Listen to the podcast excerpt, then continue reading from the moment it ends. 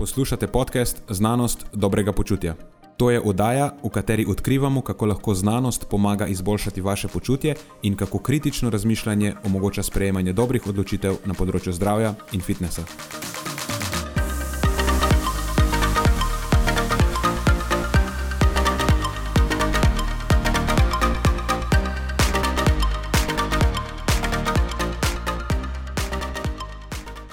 Pozdravljeni, poslušate zaključno epizodo prve sezone podcasta Znanost dobrega počutja. V tej posebni izdaji smo z vami Nenad in moja sovoditelja Matjaš in Marijo. V uvodnem ogrevanju smo debatirali o vtisih iz prve sezone in predstavili načrt za drugo sezono. V nadaljevanju pa lahko že dobite občutek o tem, v kakšnem stilu bo delno potekala naslednja sezona. Vsaj tiste epizode, rečemo temu mnenjske epizode, na katerih bomo prisotni vsi trije. Resnejši del te epizode se je sicer začel manj unetljivo, s pogovorom o tem, s čim se podjetje Filgud dejansko ukvarja in kakšna je naša misija, no potem pa se je začela kontroverznost hitro stopnjevati. Slišite lahko o tem, zakaj je po naše hujšanje brez vadbe in samo s prehrano neetično o naši poziciji glede naraščajoče politične korektnosti na področju fitnesa in zdravja, o problemih tako imenovanih diet culture, anti-diet in health at every size, o tem, kaj je ljudem dejansko privlačno in kdo o tem odloča. Proti koncu pa smo v rubriki Norišnica izpostavili še eno izmed najbolj škodljivih praks na našem področju v zadnjem obdobju, in čisto na koncu Da zaključimo na pozitivni noti, pa izpostavimo še eno izmed dobrih praks na področju fitnesa in zdravja v Sloveniji. Preden začnemo, pa se moram zahvaliti še našim sponzorjem. Zaenkrat to še vedno ni velika korporacija, temveč zvesti poslušalci, ki nam izkazujete zaupanje in podporo s prijavo v našo člansko skupino Znanost dobrega počutja. Hvala vsem, ki s tem držite luči prižgane in omogočate podkastu, da raste in postaja še bolj kakovosten. Hvala tudi vsem, ki nas podpirate s pozitivnimi komentarji in visokimi ocenami, ter s tem, da priporočate podcast svojim znancem in prijateljem. Zdaj pa je končno čas za začetek epizode. Uživajte ob poslušanju.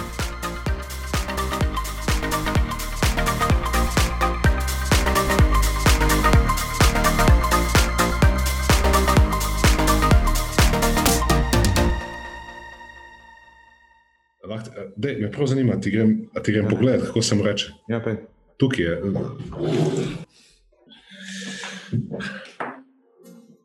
CYM Balta. Cim Balta. Ali je to možno, sem jaz na robe črkoval? Ja, to je ime zdravila, duloxetin ja. je to. Tako je. Ja, to ko, ko, komercialno ime je to. Cim Ja, vse sem vedel, da je. Ja. Nisem pa še slišal za to, tako da ne vem.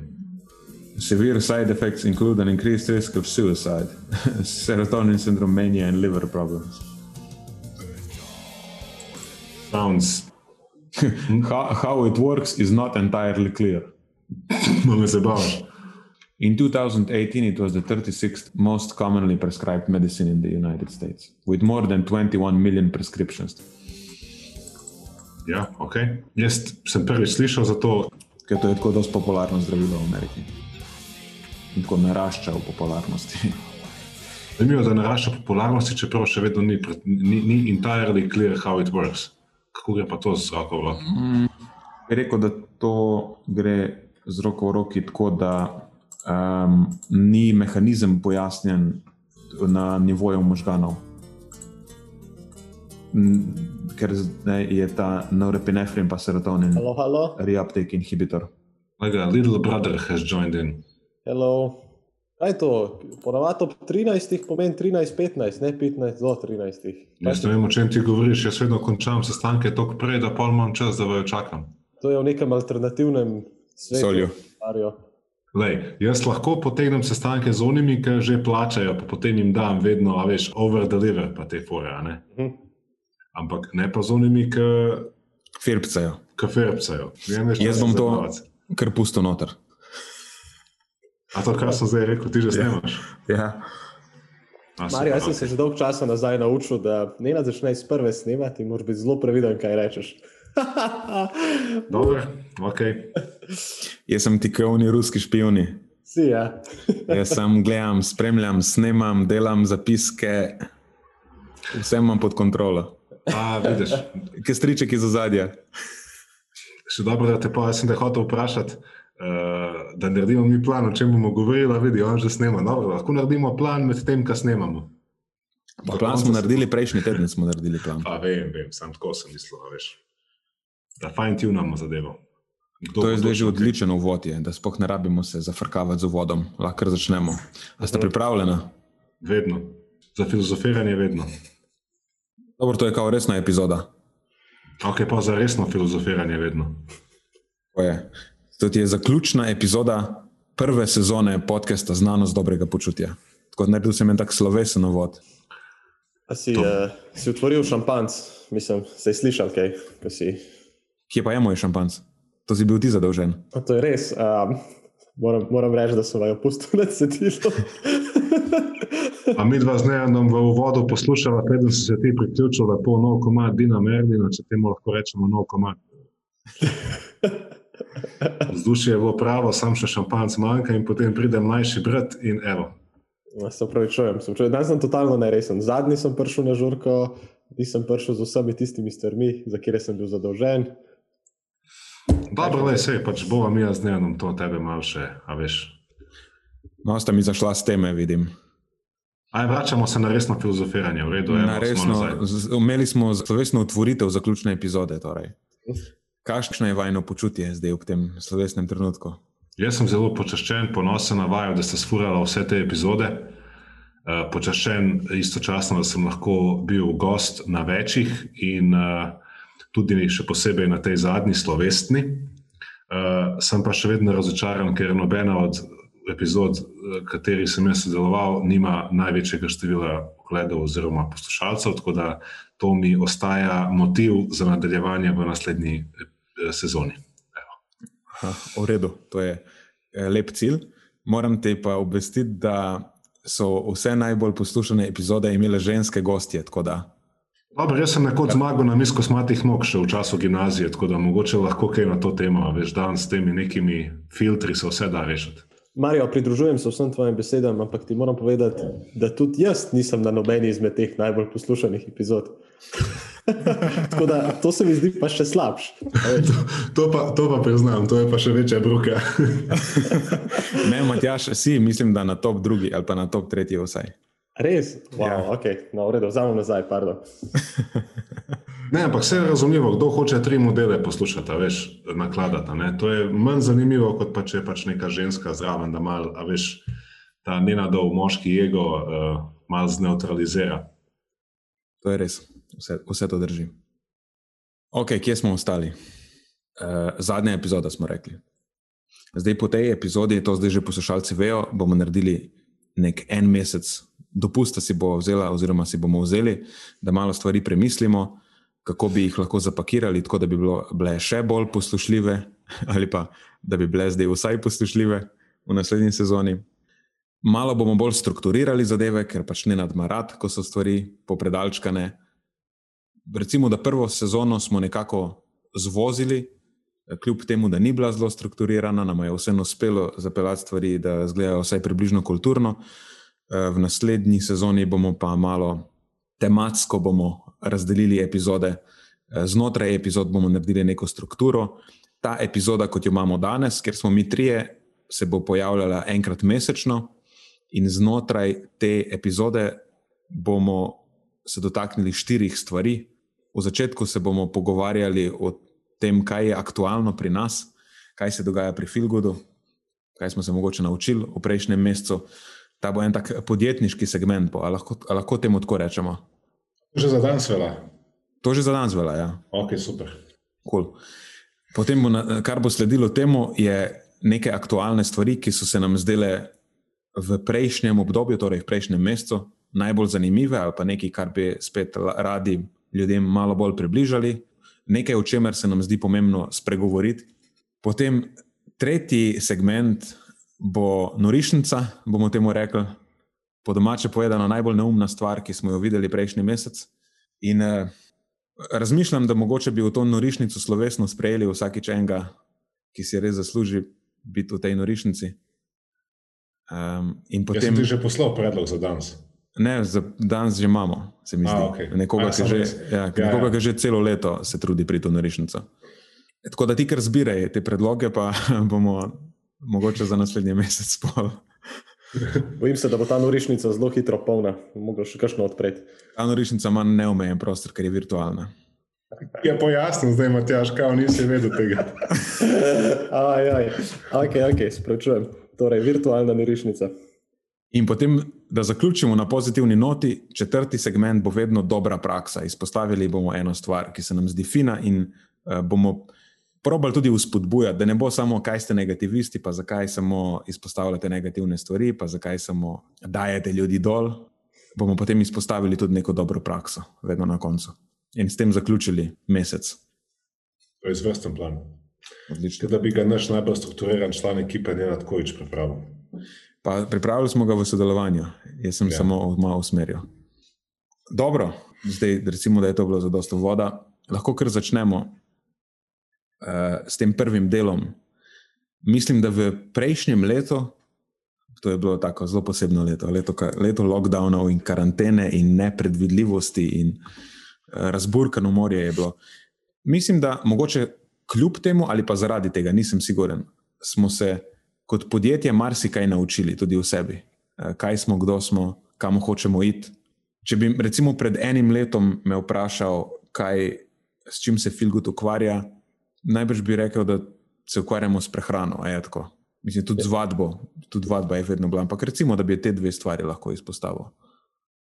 Mhm. A mislite, da je še vedno tako? Ma to veže skozi nekako, ko imamo skupne sestanke ali pa pogovore, vedno nekako izpostavljam to, kar si zdaj rekel, da se mi zdi, da nas širša množica še vedno pozna v prvi vrsti po um, prehranskem delu naše ponudbe oziroma naših storitev, čeprav to priporočila od uh, ust do ust, pa ponovadi polnijo naše vadbene kanale. Um, pa potem se pogovarjamo o tem, kako to raz, razširiti, kako komunicirati na nek način, da približamo ljudem, oziroma širši množici, kaj vse pravzaprav počnemo in zakaj smo drugačni. Tako da moj odgovor na tvoje vprašanje je, da mislim, da, je, da smo na pravi poti, da bo vedno bolj jasno. Še posebej, če bomo nadaljevali tako, kot smo v, zadnjih, recimo, v zadnjem obdobju skovali nek načrt. Še zmeraj zelo skrivnostno. Pričakoval odgovor, ki bo malo bolj razkril zadeve. Vse lahko jaz odgovorim, kaj, kaj si jaz mislim. V bistvu. uh mhm. -huh. Da je feel good bistveno več kot samo prehrana in vadba. Ne?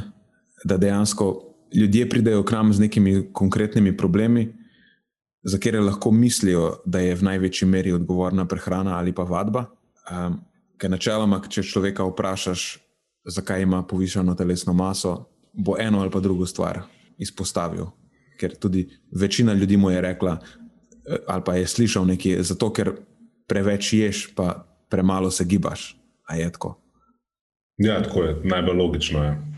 Ampak, če hočeš na dolgi rok to stvar rešiti, mislim, da moraš prilagoditi še kupenih drugih stvari, ne samo prehrano in vadbo. Eh, se mi zdi, da če delaš samo prehrano ali pa samo vadbo, kupenih stvari pustiš nepokritih. Tudi če delaš skupaj prehrano in vadbo, je boljše kot samo eno ali pa drugo, ampak še zmeraj eh, se mi zdi, da ni dovolj. Tako da, če nas zdaj, če mene zdaj vprašajo, ali pa če nas, sej, do tega smo nekako skupaj prišli, nas vprašajo, kaj pa vi delate, bi mu najbrž rekli, da pomagamo ljudem rešiti neke težave, ki so v bistvu vezane na, kaj, na dobro počutje, pa na telesni vides, pa na športen rezultat, ampak niso samo prehrana in vadba, ampak so konkreten problem. Ne? Tako da ne osredotočamo se na prehrano ali pa na vadbo, ampak se osredotočamo na konkretne probleme, Jaz bi dodal eno stvar, ki se je v ti zadnjič sestanku izpostavil, in to je to, da ne samo, da ljudem pomagamo rešiti konkreten problem, kar je pomembno že samo po sebi in bi lahko bilo samostojno, ampak sem zdi, da smo šli en korak dlje in da pomagamo ljudem tudi odkriti vzrok, zakaj so sploh v težavah se znašli in, in pomagati preprečiti ponavljanje istih napak, da spet ne zabredajo v iste težave v prihodnosti. Tega mislim, da veliko diet, veliko različnih pristopov k prehranjevanju, predvsem pa tudi mogoče pri trening planih. Se ne upošteva. Ja, le imaš problem, nisi v formi, imaš problem, si debel, v redu, le tukaj imaš recimo nek plan prehranjevanja, dieto, jedilnik, whatever, ali pa nek režim treninga, nek program, 8-12 tednov, to ufuri in boš rešil problem.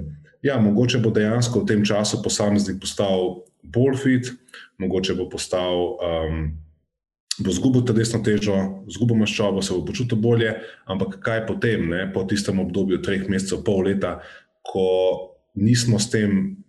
Nismo s tem, kar smo naredili, zdaj rešili problema, zaradi katerega se sploh znašel v, v, v težavah v samem startu, In če, če se ne naslovi teh nekih globih korenin v ozadju, nekih vzorcev razmišljanja, vzorcev reševanja nekih osebnih stisk, nekih kontemplacij, tukaj je potem doska težava, ki jo se mi zdi, da v zadnjem času nagovarjamo bolje, kot pa smo kadarkoli do zdaj.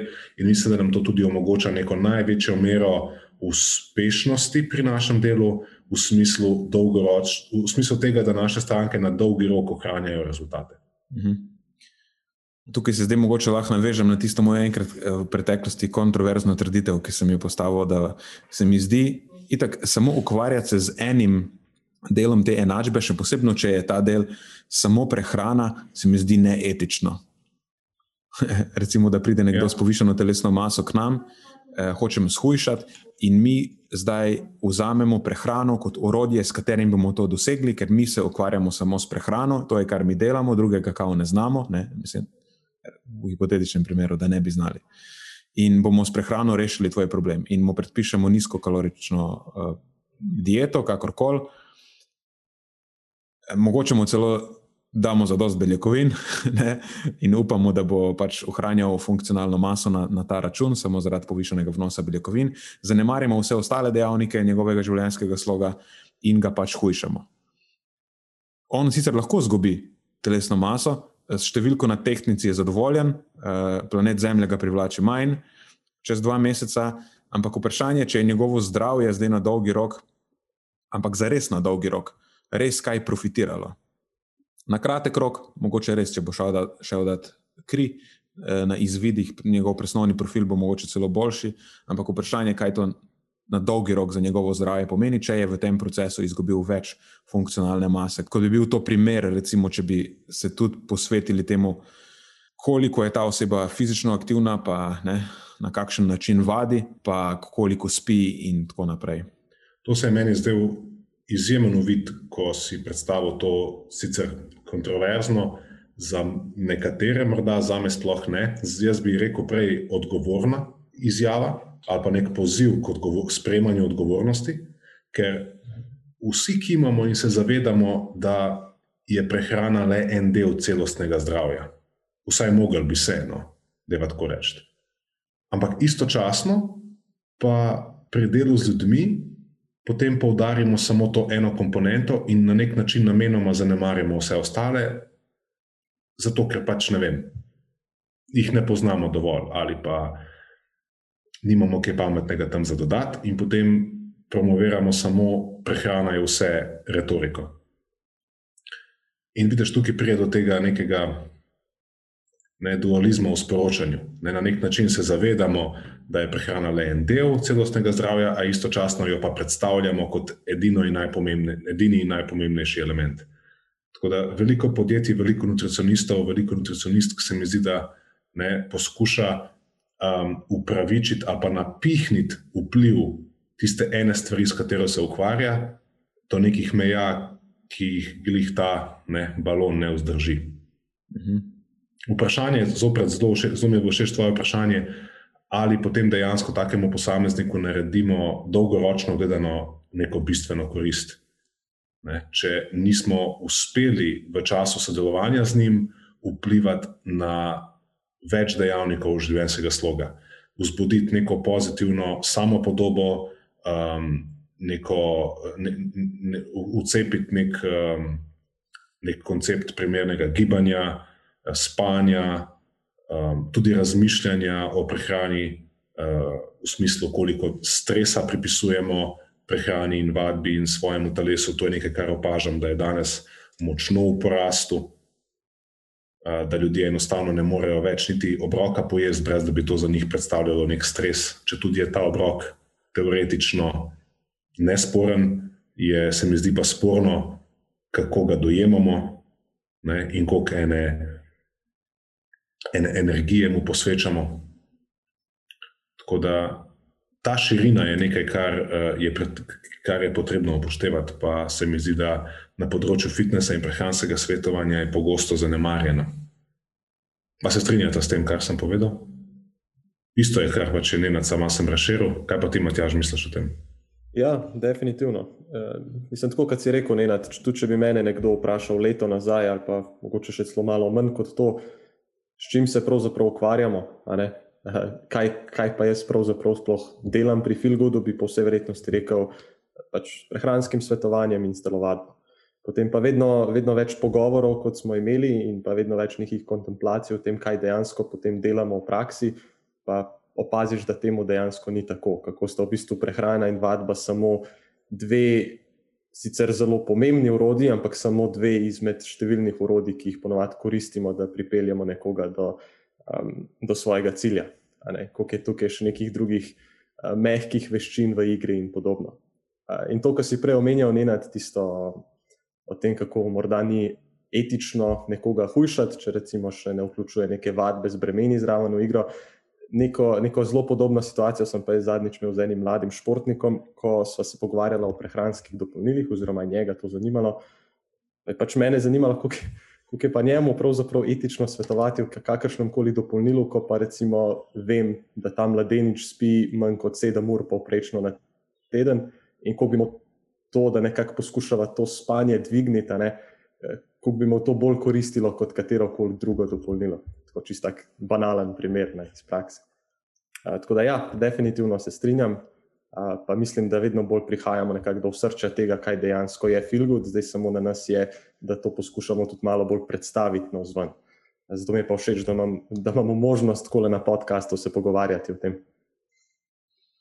Če to je v bistvu pogovor, da bi sedeli za mizo v neki gostilni, sam, ki so zdaj zaprte terase, še zmeraj v, v srednji slovenski regiji in moramo preko Zuma to narediti.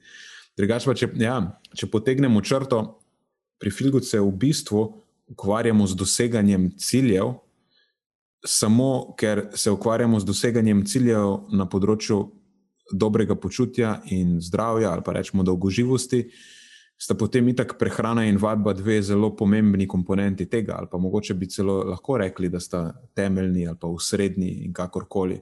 Ampak to sta samo dve naši urodji, mi še zmeraj osredotočamo se na cilje, ne na metode.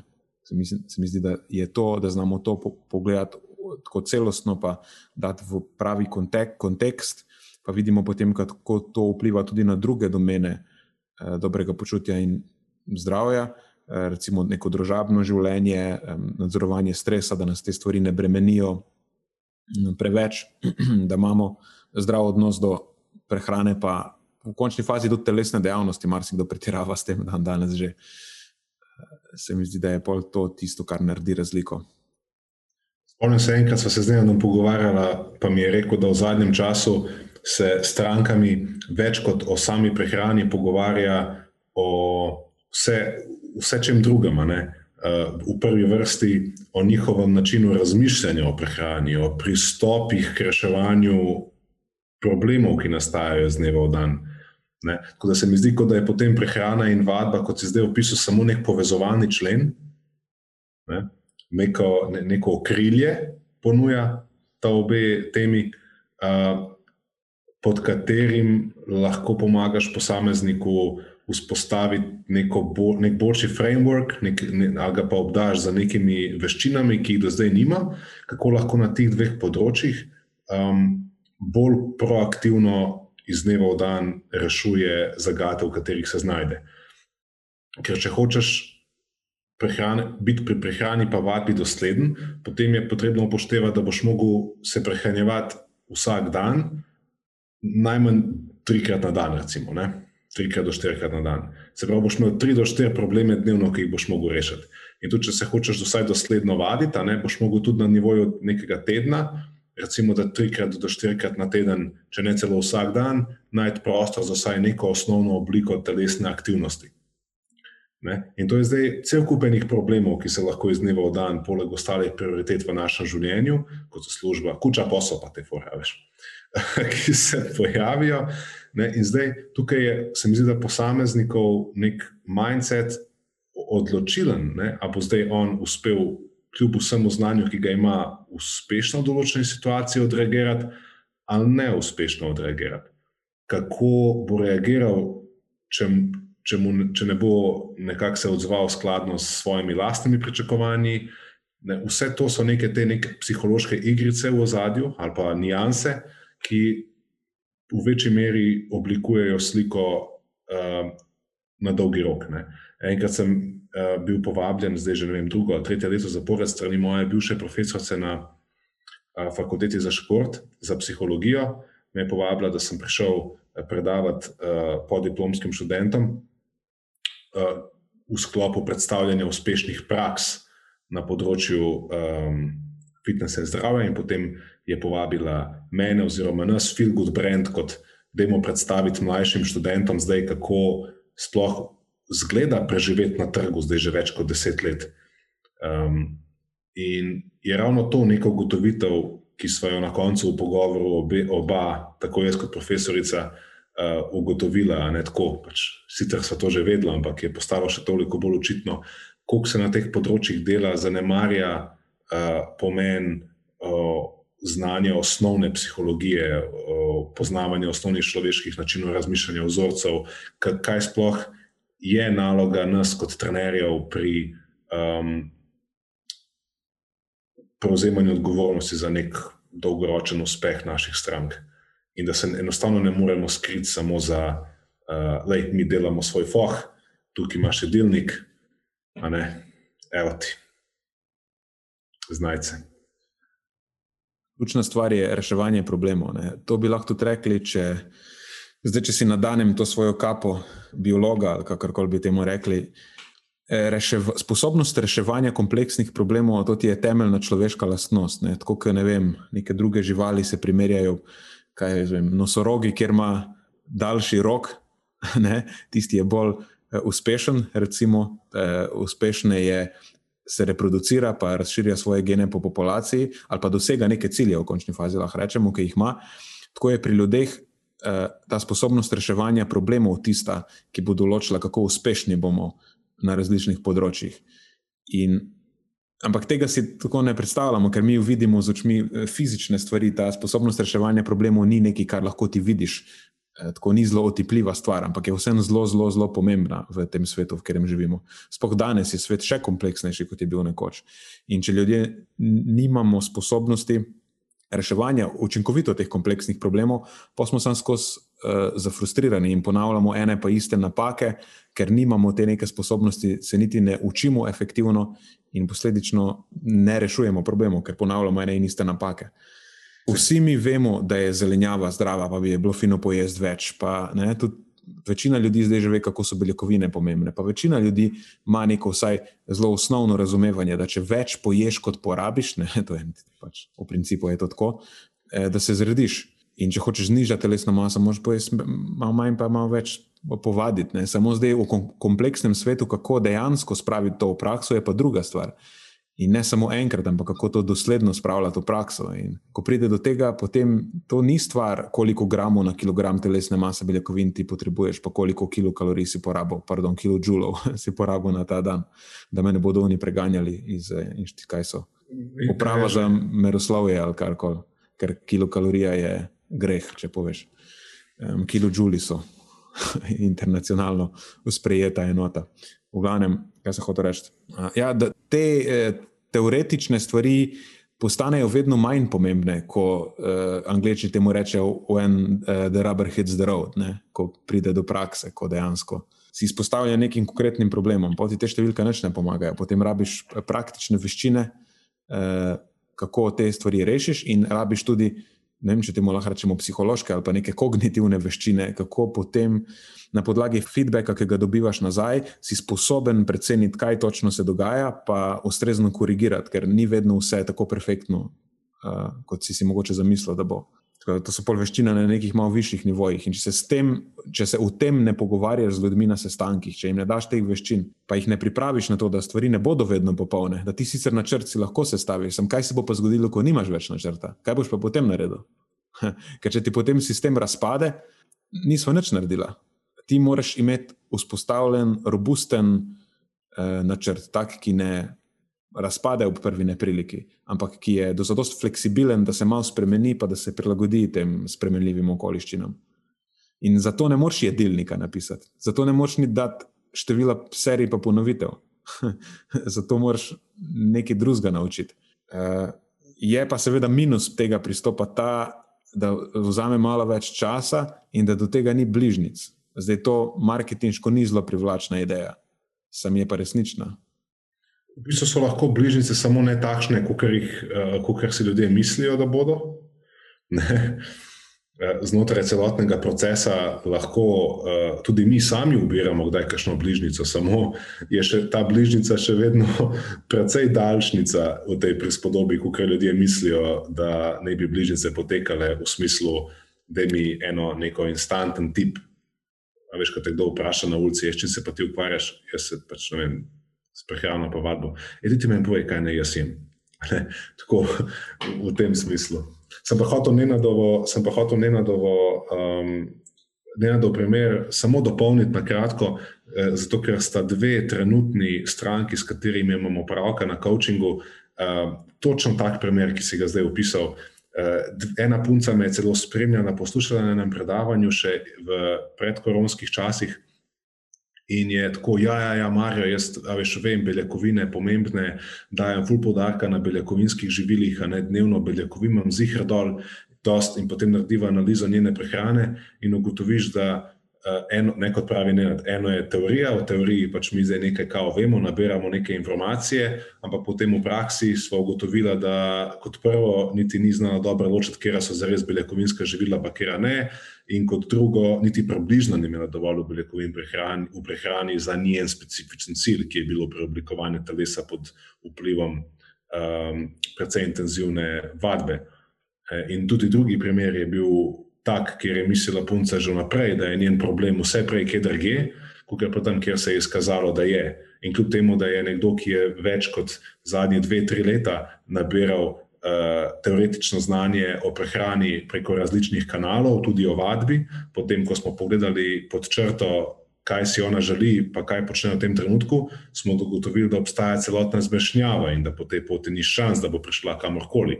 Tako da to ponavljanje napak in um, pomankanje teh sposobnosti uh, vodenja in razmišljanja uh, je nekaj, kar uh, je lahko precej uh, velika ovira, prevelika ovira za mnoge um, in se zato mogoče ne premakne v željeno smer. Meni se to zdi, ker je do zaključek tega prvega segmenta. Razen če bo Matjaž, zdaj če nas bo razpetljiv, zdaj še s kakšnim uh, on dobre povzetke dela. Ne, nimam nobenega insighta več, mislim, da je bilo tole perfektno. Odlično. Reševanje problemov iz the name of the game, pa efektivno razmišljanje je ključna veščina. Če si slučajno ja. že spet nekaj za namajico povedal, še ja, za namajico. A že pišeš? Zapisujem. Ok. V redu, potem pa smo prišli do drugega segmenta, ki je aktualna stvar. Jaz bom kar predlagal, kaj bi, po moje, to mogla biti, oziroma vsi skupaj smo se nekako že pogovarjali precej o tem v pisarni zadnjič. In to je ta neka, mi smo temu sicer rekli politična korektnost, samo se mi zdi, da to ni bil dober izraz. Gre se bolj za to, da danes neke stvari enostavno več, tudi če so faktualno uh, točne, če, so, če držijo, uh, zgleda, kot da jih več ne smeš povedati, samo zato, ker bo nekdo zaradi tega užaljen. Imamo kupenih takih primerov, konkretno v fitness industriji ali pa na področju zdravja. Prva stvar je, ali lahko nekomu, recimo, če rečeš, da je nekdo debel, zakaj je to slabo? Še več, zakaj je to žalitev?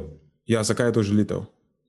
Ker govorimo o, to je čisto objektivna stvar. Dali smo ga na, lahko ga damo na tehnico, lahko mu zmerimo obseg pasu, lahko mu izračunamo indeks telesne mase, lahko ga v končni fazi z neko metodo ocenimo njegov delež zamaščenosti. Kup enih objektivnih meril imamo, po katerem lahko ocenimo, da je neka številka previsoka, recimo, in da ta previsoka številka čisto konkretno korelira z slabšimi izidi na področju zdravja. In to je sam res, to, to ni nobena skrivnost, ampak vseeno se potem še najdejo ljudje, ki so uh, zaradi tega nekako užaljeni. In sicer imam body shaming. Bo, ja, imam sicer idejo, odkje to izvira, samo bojim se pa, se, tako je. Vidim v neki meri se lahko strinjam tudi z to stranjo, samo se mi zdi, da ne moremo se v popolnosti strinjati z temi, ki so. Temu se reče, se mogoče lahko to razdelimo. V bistvu sta se oblikovala okoli tega ena taka dva kampa, oziroma najprej se je oblikoval ta diet culture camp, ali lahko tako rečemo. Ne? To je neka stvar, ki je mogoče zdaj v zadnjih 20, 10 letih. Um, nekako oblikuje to, kako mi dojemamo telesno podobo. Gre se za neko, ta diet culture časti vidkost, oziroma jo, jo enači z zdravjem, pa celo z moralnostjo. Ne? Tisti, ki eh, zadosti, zadostijo nekim standardom v smislu telesnega izgleda, eh, so maksimalno zdravi, ne tako si to predstavljamo, eh, ali pa so celo najbolj moralni. In potem izpade, da tisti, ki, so, ki dosegajo te neke eh, standarde, ne, videza, recimo, ki ga, ki ga zdaj smatramo, ali pa ki ga ta diet culture smatra kot najbolj privlačnega, vel, začnejo veljati tudi kot najbolj moralni. Sej noben eksplicitno tega tako ne reče, ampak tako, se, tako smo se začeli obnašati.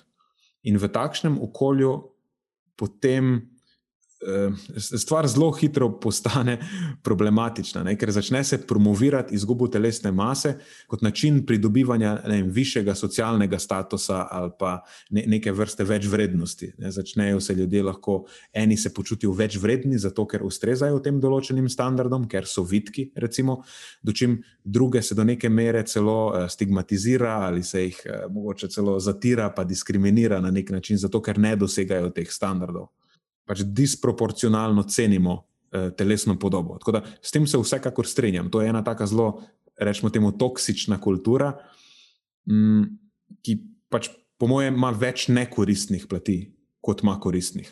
Um, je pa res, da se je zdaj kot nek odgovor temu, potem v zadnjem obdobju uh, oblikovala ta anti-diet culture. Ne, to je pa pač sem en drug ekstrem, ki zdaj zanika ta ekstrem in pravi, da je vse, kar koli se navezuje na hujšanje, pa izgubo telesne mase, kot slabo. Ne? Da tudi če je nekdo zdaj ima 200 kg, eh, če mu poveš, da bi moral izgubiti malo odvečne maščobe, da si takoj eh, dobesedno hitlersko.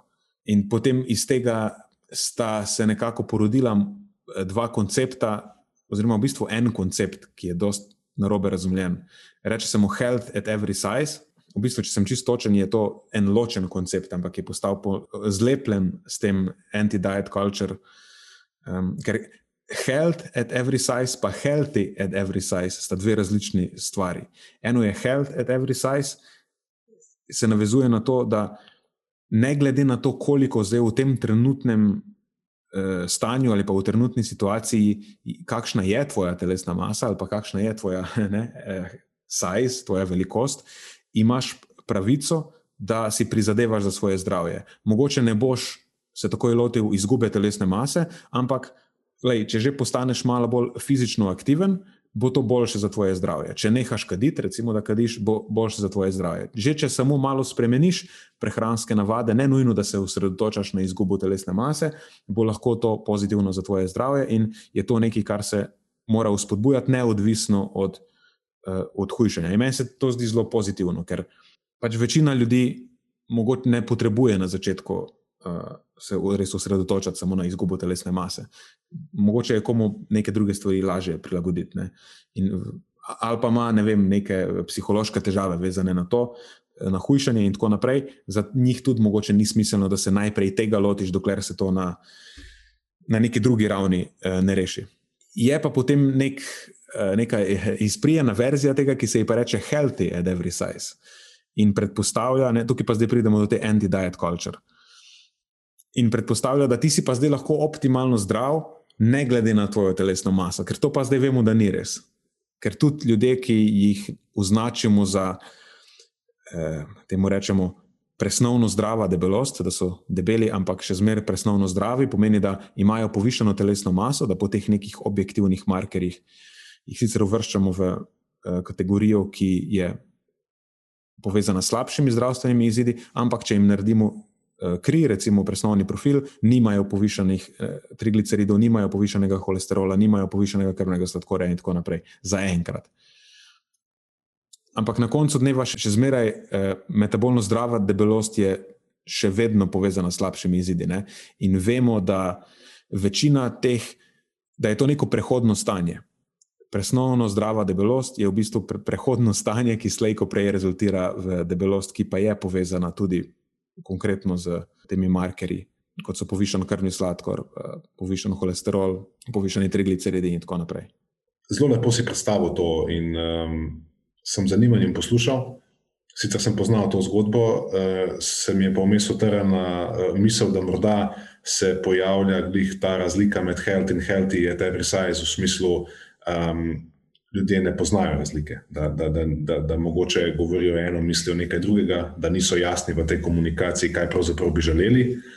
Um, vsi tukaj smo seveda proti diskriminaciji, ne želimo nikogar diskriminirati, zato ker ima pač, vem, prekomerno telesno težo. Se mi zdi to podobno absurdno, kot da bi nekdo uh, ne vem, diskriminiral mene, zato ker imam skoraj dva metra in sem višji od tebe, ali pa zato ker imam trikrat manj las kot ti in sem že na pol čela. Um, to je Uh, ena plat, druga plat je pa, da istočasno si ne morem predstavljati, da bi zdaj jaz bil žaljen, zato ker mi nekdo reče, da sem čelov in pač je moj oče čelov in pač ne, plešast, da uporabljam lepe slovenske besede. Um, to me je nekako spomnilo na eno izmed objav, ki sem jo dal pred kratkim na Facebooku, ko sem se izrazil tako morda malo nespretno, ampak sem imel srce na pravem mestu. Predstavil sem namreč uh, vaje za pod navednicami lepe noge, ne, še dal sem pod navednice, zato ker pač imamo pač nek primeren, nek, nek konsens, pač kakšne, ne, noge, kakšne noge si ženske praviloma želijo. In ideja je bila spodbuditi ženske, da pač nekaj naredijo za to, da vsaj. Um, če že vadijo, da vadijo skladno, primerno, ne pa da pridem vsakeč v nek komercialen gim, konvencionalen gim, zdaj pač ne, ampak ko sem in vidim mlade punce, ki delajo samo eno uro in pol vaje za zadnico, pa razne hiptraste, pa potem deadlifte in pa če to vse skupaj precej neskladno. In um, sem ravno doživel, ne, se spomnite, oba tako odziv, ne, da češ to je samo zdaj body shaming. Ne, da jaz zdaj šejmam ženske, ki pa pač imajo genetsko gledano ali krajše noge, ali bolj čokate noge, ali bolj močne liste, recimo, ali pač nikoli ne bojo ustregli tem standardom. In to je res. Ne. In Pa smo se pa pogovarjali o tem, kaj bi bilo smiselno z moje strani narediti, da bi se izognil tej neki retoriki, vsaj, ki bi lahko bila dojeta na tak način. Ampak jaz še vedno ne morem odstopati od tega, da lej, ne, to, kar nam je dano, nam je dano. Tako kot, me, kot je meni dano manj las, ne more biti zdaj užaljen, če nekdo nekako da napotke nekje za lepšo pričesko. Ne. Če bomo bili tako občutljivi ne, in bomo skakali v luft. Vsakič, ko nekdo pritisne na neke moje lastne negotovosti, potem ne bomo prišli daleč.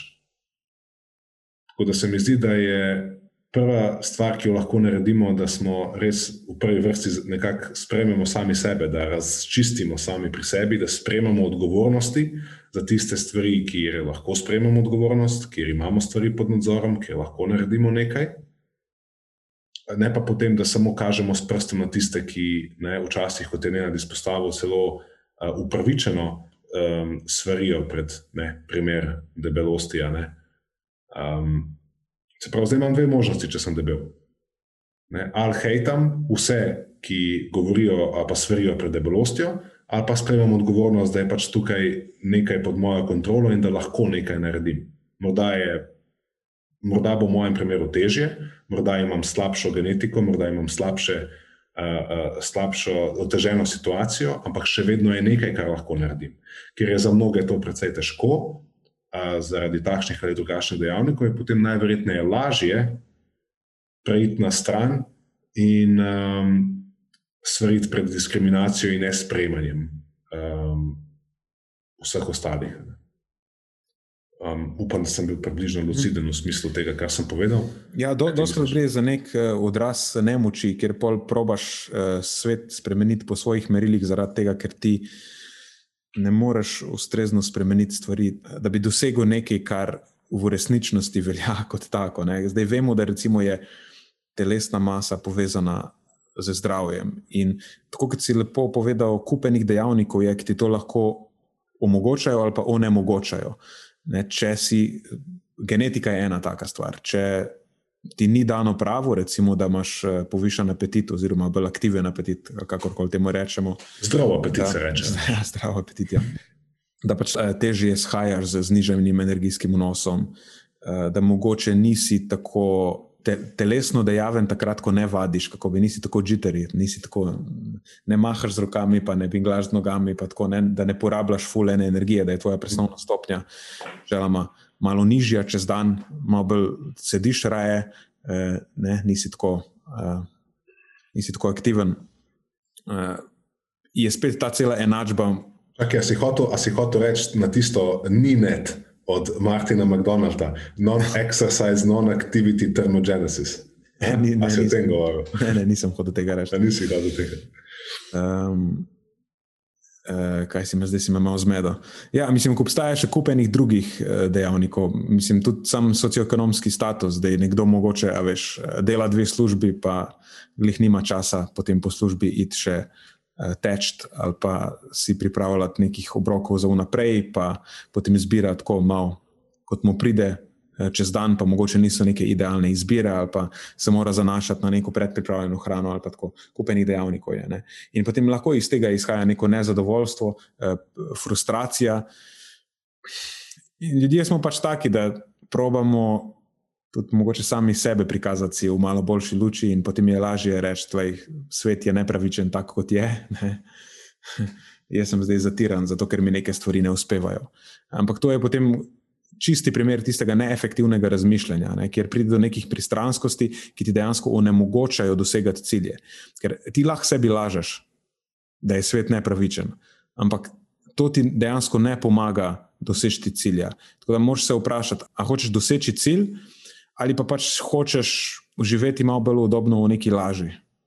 Ker to, da si lažemo sami sebi, da povišena telesna masa je čist ok, pa da sem jaz optimalno zdrav, ponavadi se kreše s tem, da dejansko dosežeš nižjo telesno maso in si dejansko zdrav. Kakšen pa je, Matjaš, tvoj pogled na ta body shaming?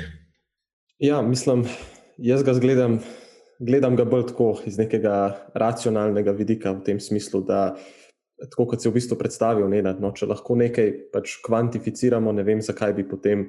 Eh, ne, v smislu tega, kaj postavimo na tehnico, ali pa dodelimo temu nek indeks telesne mase, ali kakorkoli že, zakaj bi, zakaj potem neka negativna konotacija povezana s tem. Ne.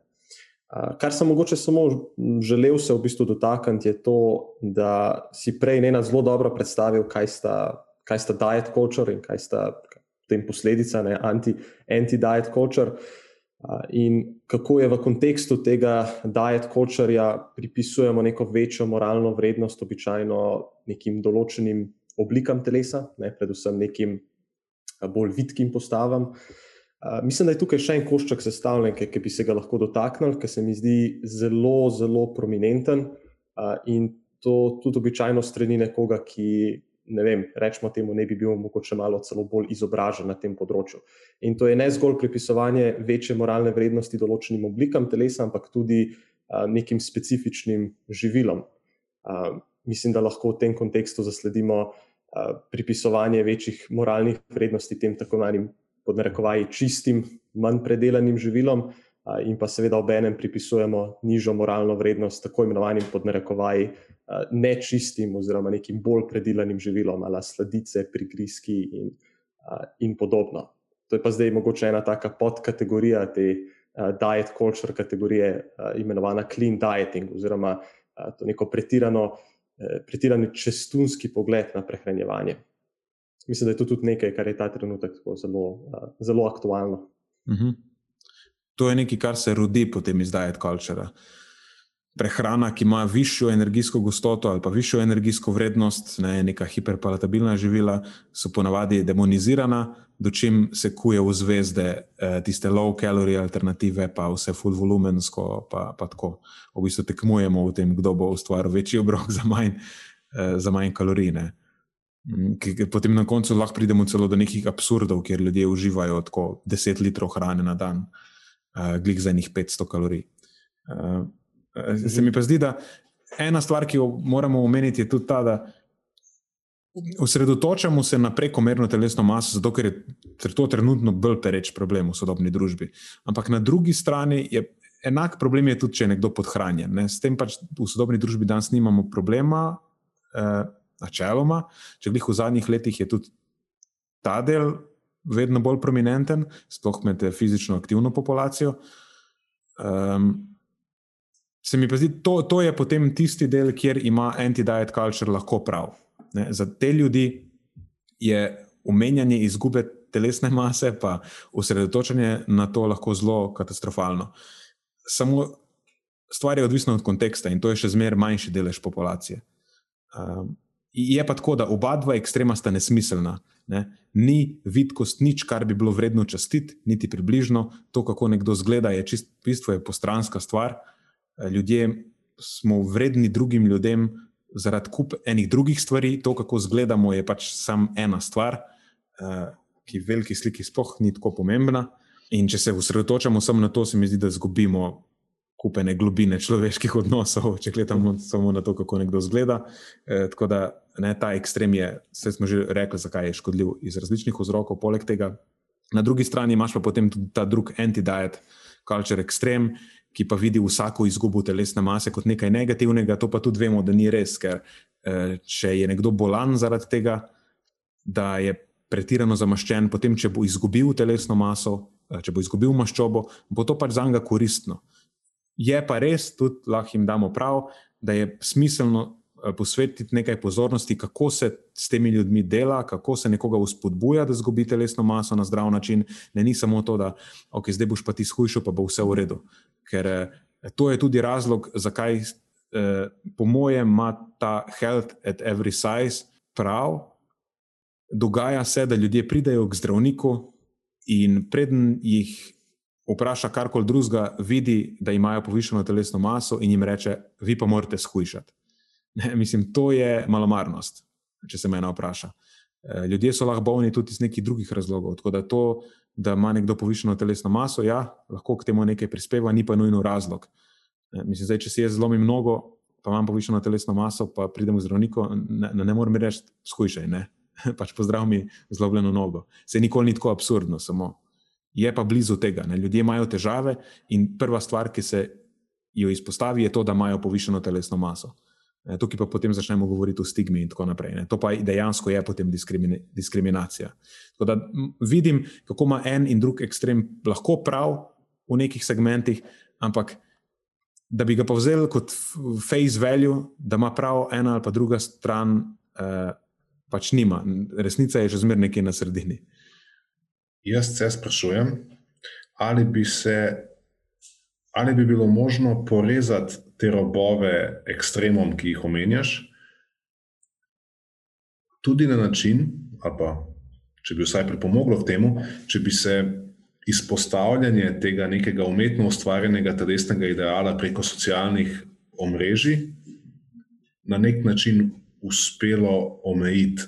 Opažam namreč, da to, kar je tudi Matjaž rekel, da je um, predstavljanje, konkretno po Instagramu, TikToka ne poznam toliko, verjamem, da je glih to problematičen, ne ga pozna bolj.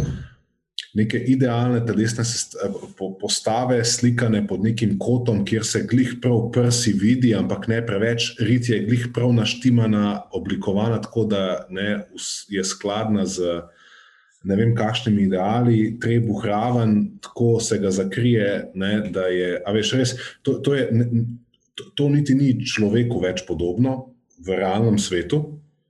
Istočasno ta oseba um, daje ven samo slike, pa do cela popolnih obrokov, ne, kjer je vse in vizualno skladno, ne, perfektno, vse bioeko, ne, ni da ni.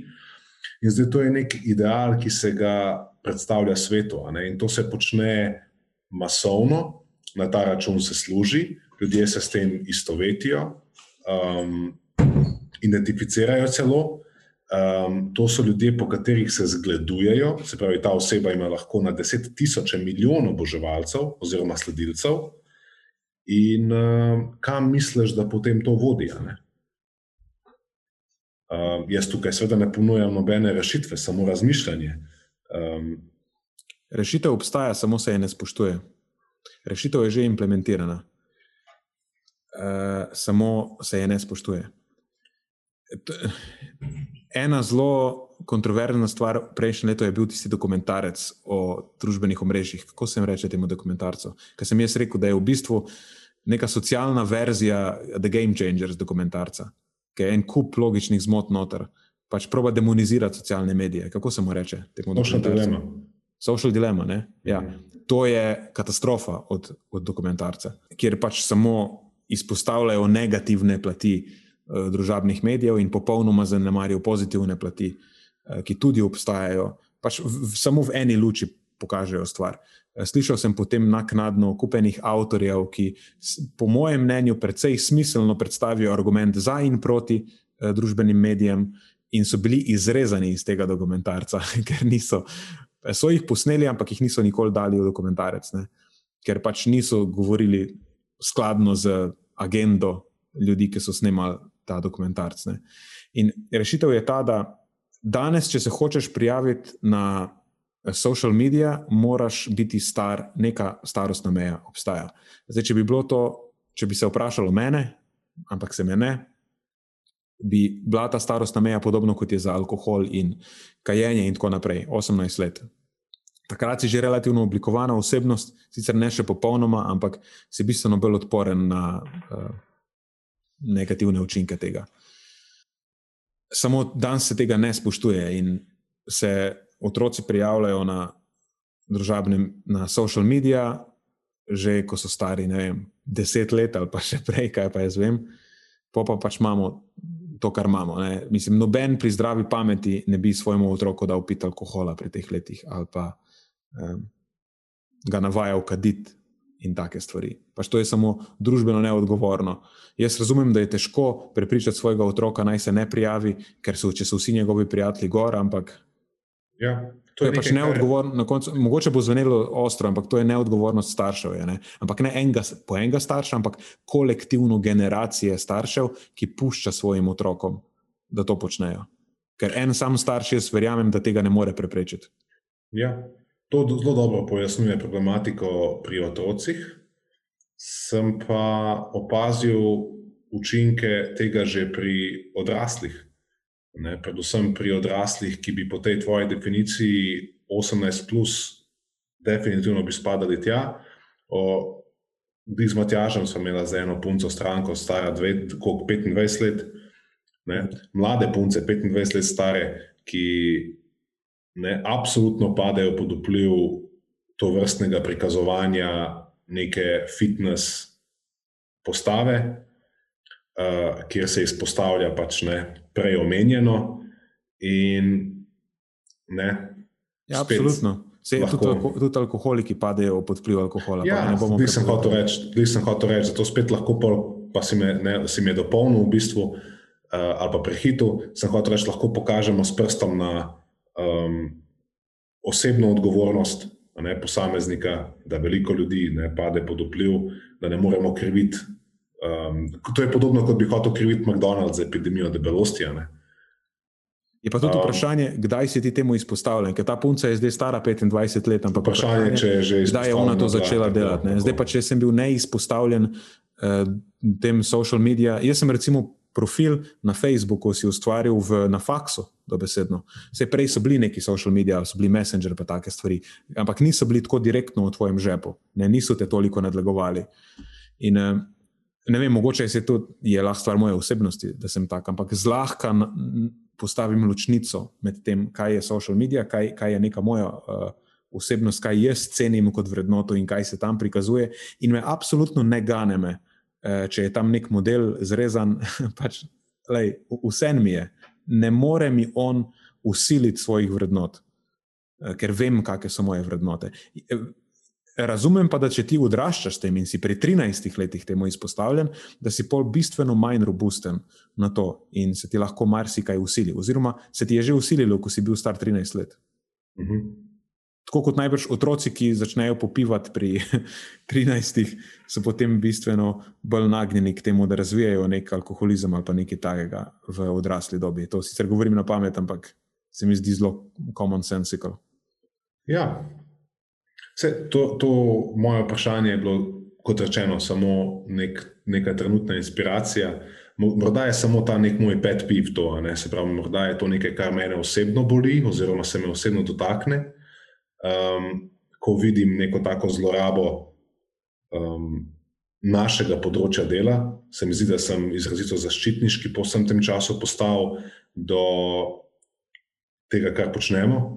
In se mi zdi, da je to ne najdem primerne pri, pri, pri, ne, pri, primerjave, ampak to je kot neko šalabajzarstvo na področju, ne vem, kjer je druge prakse. Vem, kot da bi nek zdravnik ne, počel neke butaste stvari tam. Ne.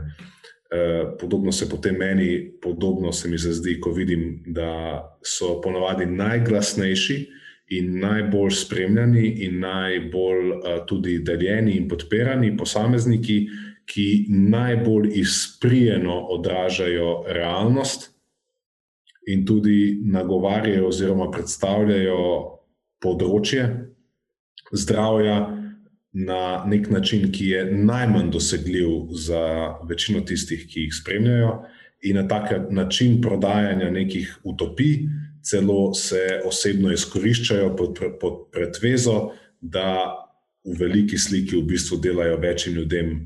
Eh, korist kot pa škodo, kar je pa seveda vsi vemo, da je racionalizacija na koncu, ko potegnemo črto.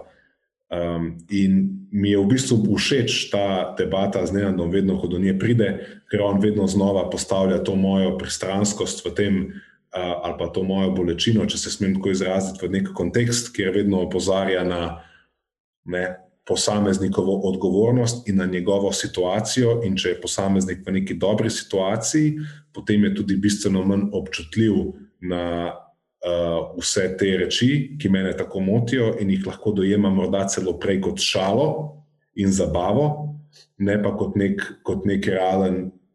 Um, model, po katerem bo oblikoval svoje vedenje in razmišljanje. Lepo. Ene stvari bi se samo še dotaknil, ker si prej ti že omenil s tistimi nogami, pa kaj je privlačno, pa kaj ni privlačno, pa kdo lahko komentira, kaj je privlačno in kaj ne.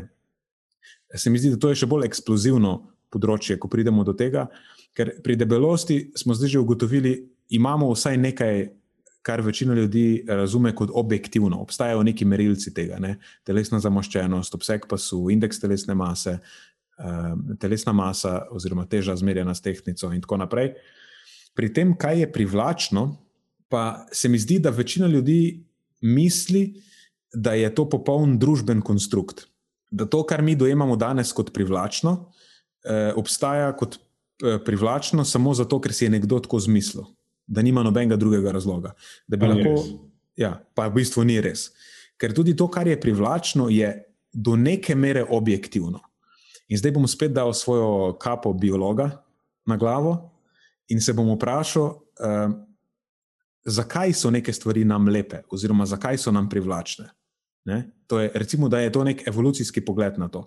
Vsako, recimo, da predpostavljamo, da je, privla, da nam je nekaj privlačno, to je neko čustvo, nekaj vzbudi v nas. In vsako čustvo najbrž ima nek ultimativni vzrok. Ne? Ko smo jezni, to v nas zbudi neko motivacijo, da se borimo proti nečemu, kar je bilo kontra nam narejeno in na ta način izboljša možnost našega preživetja in reprodukcije, in tako naprej. Ne? Eh, ljubezen je isto tako. Pač, eh, ko smo zaljubljeni v nekoga, eh, je to zato, ker smo ga identificirali kot nekoga, ki, s katerim bi se želeli pariti in z njim vzgajati svoje mladiče, in tako naprej. Ne? In obstajajo vsa ostala čustva po istem principu, načeloma funkcionirajo. Ne? Ko smo veseli, načeloma smo veseli zato, ker se nam je zgodilo nekaj lepega, kar tudi maksimizira uh, naše preživetje in reprodukcijo generalno.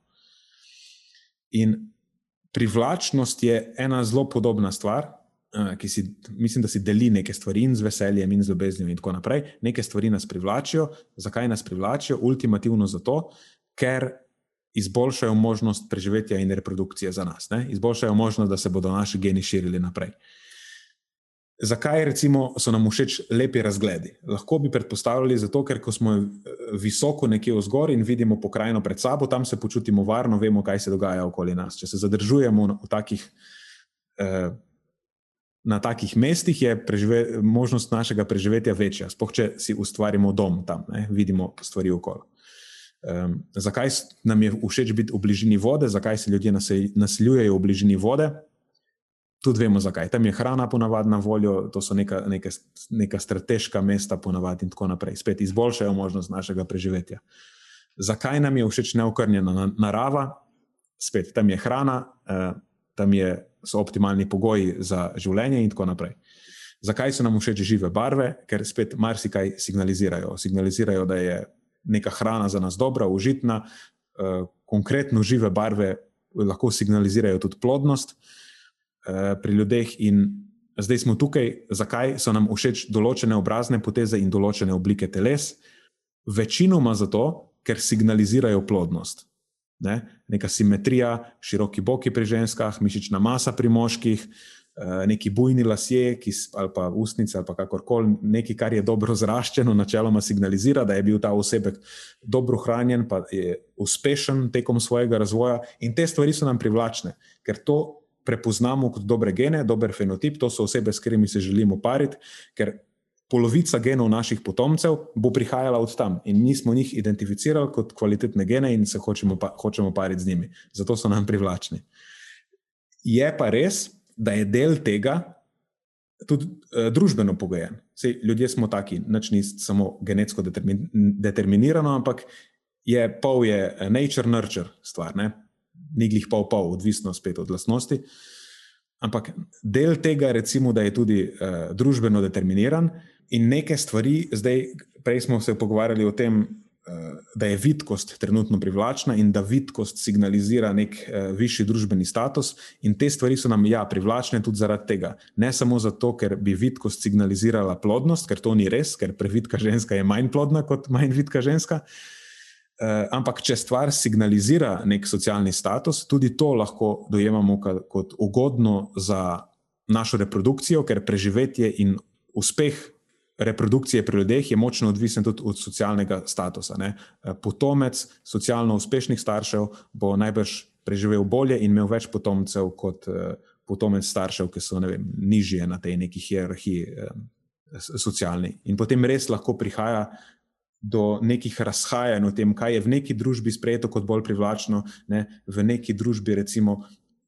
Obstajajo kulture, kjer je privlačno, pač, da je ženska prehranjena, da je dobesedno debela. Uh, imamo pač en in drug ekstrem, ker tudi na podlagi nekih družbenih preferenc, najbrž odvisno od tega, kaj signalizira višji socialni status v tej družbi, so lahko tudi neke stvari privlačne. Ampak še zmeraj imamo pa neke univerzalne, relativno univerzalne stvari, ki so nam všeč, kot je simetrija, pa široki boki, pa tako naprej, mišična masa pri moških. Um, to pa še zmeraj je stvar biologije. Um, kaj sem zdaj s, te, s tem dolgim samo govorom, monologom eh, želel povedati, je to, da mislim, da bi bilo koristno za vse nas, da se tudi o tem lahko pogovarjamo, zakaj so nam neke stvari všeč, pa zakaj so nam neke stvari ne všeč. Sej, Marijo, ti si že prej lepo povedal, da zdaj, samo zaradi tega, ker pač neke stvari niso take, kot si ti želiš, ne, če ne pomeni, da je smiselno biti užaljen zaradi tega. Ja, v bistvu si najbolje možno pojasnil to ozadje, s katerim sem že štartal v to objavo. Ne zavedajoč se, da so nam že evolucijsko in razvojno gledano ne, neke stvari pač bolj všeč, nisem želel pač spredati, samo nisem mi zdelo, da bo zdaj kdo v luft skočil, zato ker pač njegove noge niso takšne, kot bi si morda želel. Um, ampak tukaj se mi zdi, da smo res zelo občutljivi na neke, na neke vidike.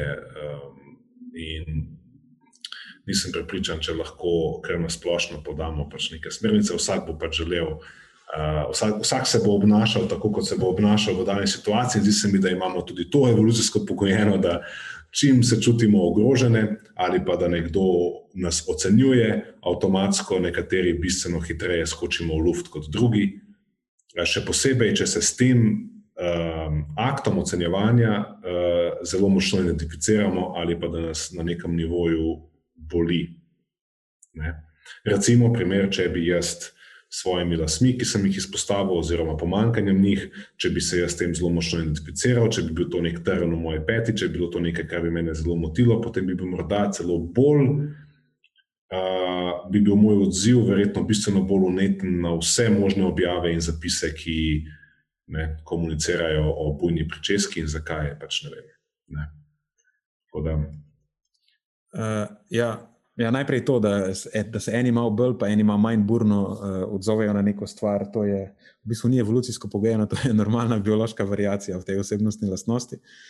Uh, kar sem hotel drugega reči, je to, da pa bom probil še eno stvar razdeliti, ki nima mi sicer zelo dobro. Probal jo bom artikulirati. No. Uh, kako nekdo zgleda, oziroma konkretno, če se navežemo na noge, kako mišičaste noge nekdo ima ni samo spet stvar genov. Zato, da imaš bolj ali pa manj mišičaste noge, si lahko prizadevaš. In razumljivo je, da bo bolj privlačno večini tisto, kar je težje dosegljivo. Ker kaj meni signalizira, ko vidim, da ima nekdo uh, mišičaste noge, pomeni, da je vložil nekaj truda v to, ne? oziroma spet, da je bolj kakovostno grejena ali kakorkoli. Ampak recimo, če se osredotočimo samo na trud. In to meni signalizira, da je ta oseba nekdo, ki lahko vlaga v trud v nekaj, in to se meni zdi privlačno. Ker je to, ne, jaz se hočem pariti z nekom, ki ima kapaciteto, da vloži nekaj truda v nekaj. Tako da tudi iz tega vidika so lahko te stvari uh, privlačne. Ne. Je nek, neka racionalizacija v zadnji za tem. Kaj pa si Matjaž misli po vsem tem? Uh, v bistvu mi je tako fascinantno, zato ker vsakeč znova, ko, ko poslušam kakšen pogovor od, od vaju, ali pa predvsem kakšni ti uh, biološki, biološki strani Nenada, vedno nekaj novega odkrijem uh, o sebi. Predvsem v tem smislu, da ja, v bistvu že od nekdaj tako stremim k ljudem, ki recimo, da demo temu reči, da imajo boljšo postavo. Uh, in to po mojem, da točno iz tega vidika, ker več kot očitno je to nekdo, ki je pripravljen nekaj uložiti vase in če je pripravljen narediti nekaj na tem področju, potem lahko sklepam, da bi znal tudi biti pripravljen uložiti tudi nekaj več v kakšna druga področja, naprimer v, vem, v zvezo ali kakorkoli že. Tako da, tako da zelo zanimivo, moram reči, nekaj, nekaj novega tudi za me. Veš, to to sploh ni plehka stvar, ker lahko se gre že samo na ravni vrednot. Če je meni všeč športno oblikovano žensko telo, pa se to je lahko zaradi tega, ker sem jaz uh, tip, ki ima rad telesno dejavnost in bom s to osebo bistveno bolj kompatibilen kot z nekom, ki pač noče skrbeti zase. Uh mhm. -huh. ne, se mi zdi, da obstaja kup enih nivojev, zakaj se nam lahko neke stvari všeč. Uh, pa zakaj ne? In da so, da so lahko relativno objektivne, ne? da ni to samo zato, ker si je zdaj nekdo zmislil, da mislim, objektivne. Se to, da je meni nekaj všeč, ni objektivno, ampak je subjektivno. Sam hočem reči, da lahko obstajajo dobri razlogi. Ni, ni samo zato, ker si je zdaj nekdo zmislil, da je to tako fino, da, zato, da lahko zatira druge, ne? ampak lahko obstajajo dejanski razlogi za to. Jaz sicer nisem full fan sprejemanja odgovornosti, zato ker je pač naporno, ker sem satan. Ampak se zavedam, ne, kako pomembno je to, zato se mi zdi, da stremim k temu načinu razmišljanja, da v situacijah, ne glede na to, kakšna že je, poiščem, kaj pa morda lahko naredim. Ne. In tudi v situaciji, ko sem deprivilegiran, ne, ko, ko, ko nekaj ni igralo tako, kot bi si želel, še vedno obstaja vsaj nekaj, kar lahko naredim. Tako da večina objav in večina informacij, ki jih dajem v eter, izhajajo iz te premise, da tudi če je nekdo v največji buli, časovni, energijski, psihološki, kakršni koli že, um, ali pa najbolj genetsko netalentiran posameznik na tem svetu, ki se mu še tako vse pozna, če um, poje, pa se mu res uh, telo upira gibanju. da lahko nekaj naredi, da ne rab spustiti vseh vajeti in pač reči, da je ok, jaz sem zdaj plešast, faket ne bom se nikoli več niti postrigel, niti obril, niti nič, to je to zdaj, kar bo, naj se razraste v božjo milomater. Pač ne, ne, a veš, ne, lahko narediš nekaj s tem. Ne. Ja, lahko imam ne, šunkaste noge in ne vem, kaj vse, ampak ne rabim zdaj, a veš, ne, lahko nekaj naredim v tej smeri. Ne.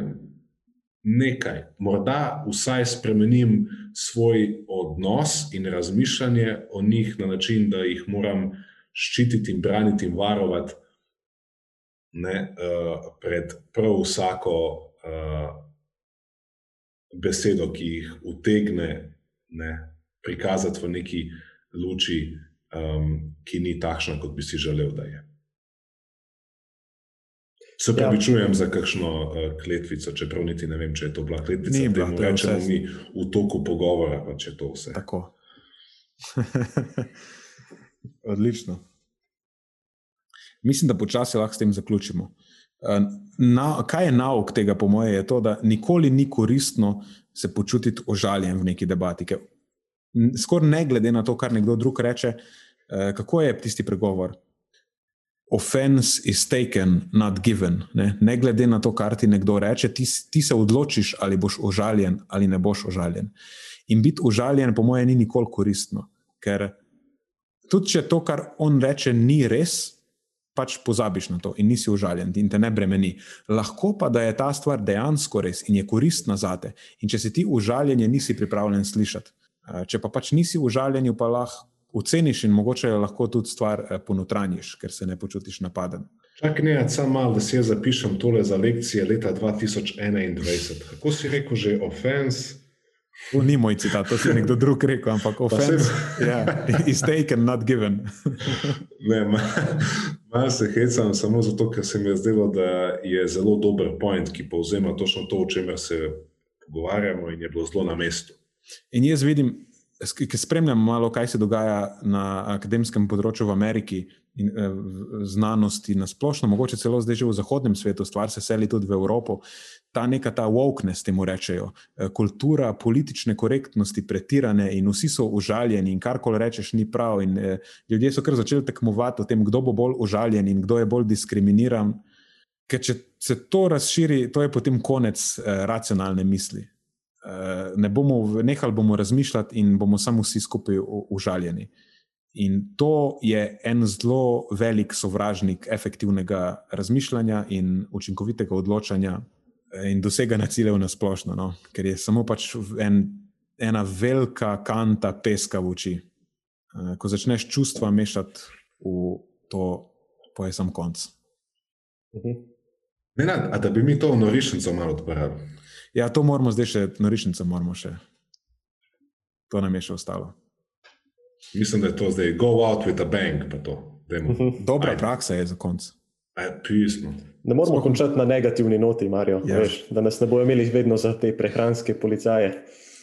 Ta cajt, ki bom jaz zdaj užalil, uh, en delež ljudi, uh, Eh, lahko vidva razmislita o tem, kako se bomo, bomo pohvalili. Koga bomo pohvalili ja. pa če jaz znaš, ja. koga užalam, raj, pa da potem naslednjič mogoče pohvalim. se se deluje tako. A lahko jaz mogoče prosim tako za dve epizodi žaljenja, pa pol eno epizodo hvaljenja, ker žalje, ful več je slabih praks, kot dobrih praks. Ja, to, kar si povedal, to je nažalost res. Je pa tako, da ta, to, ka, to osebo, ki imam zdaj v mislih, se trudi, se že zelo dolgo se trudi priti v to norišnico. Um, Hotel si reči, da je že zelo dolgo v norišnici.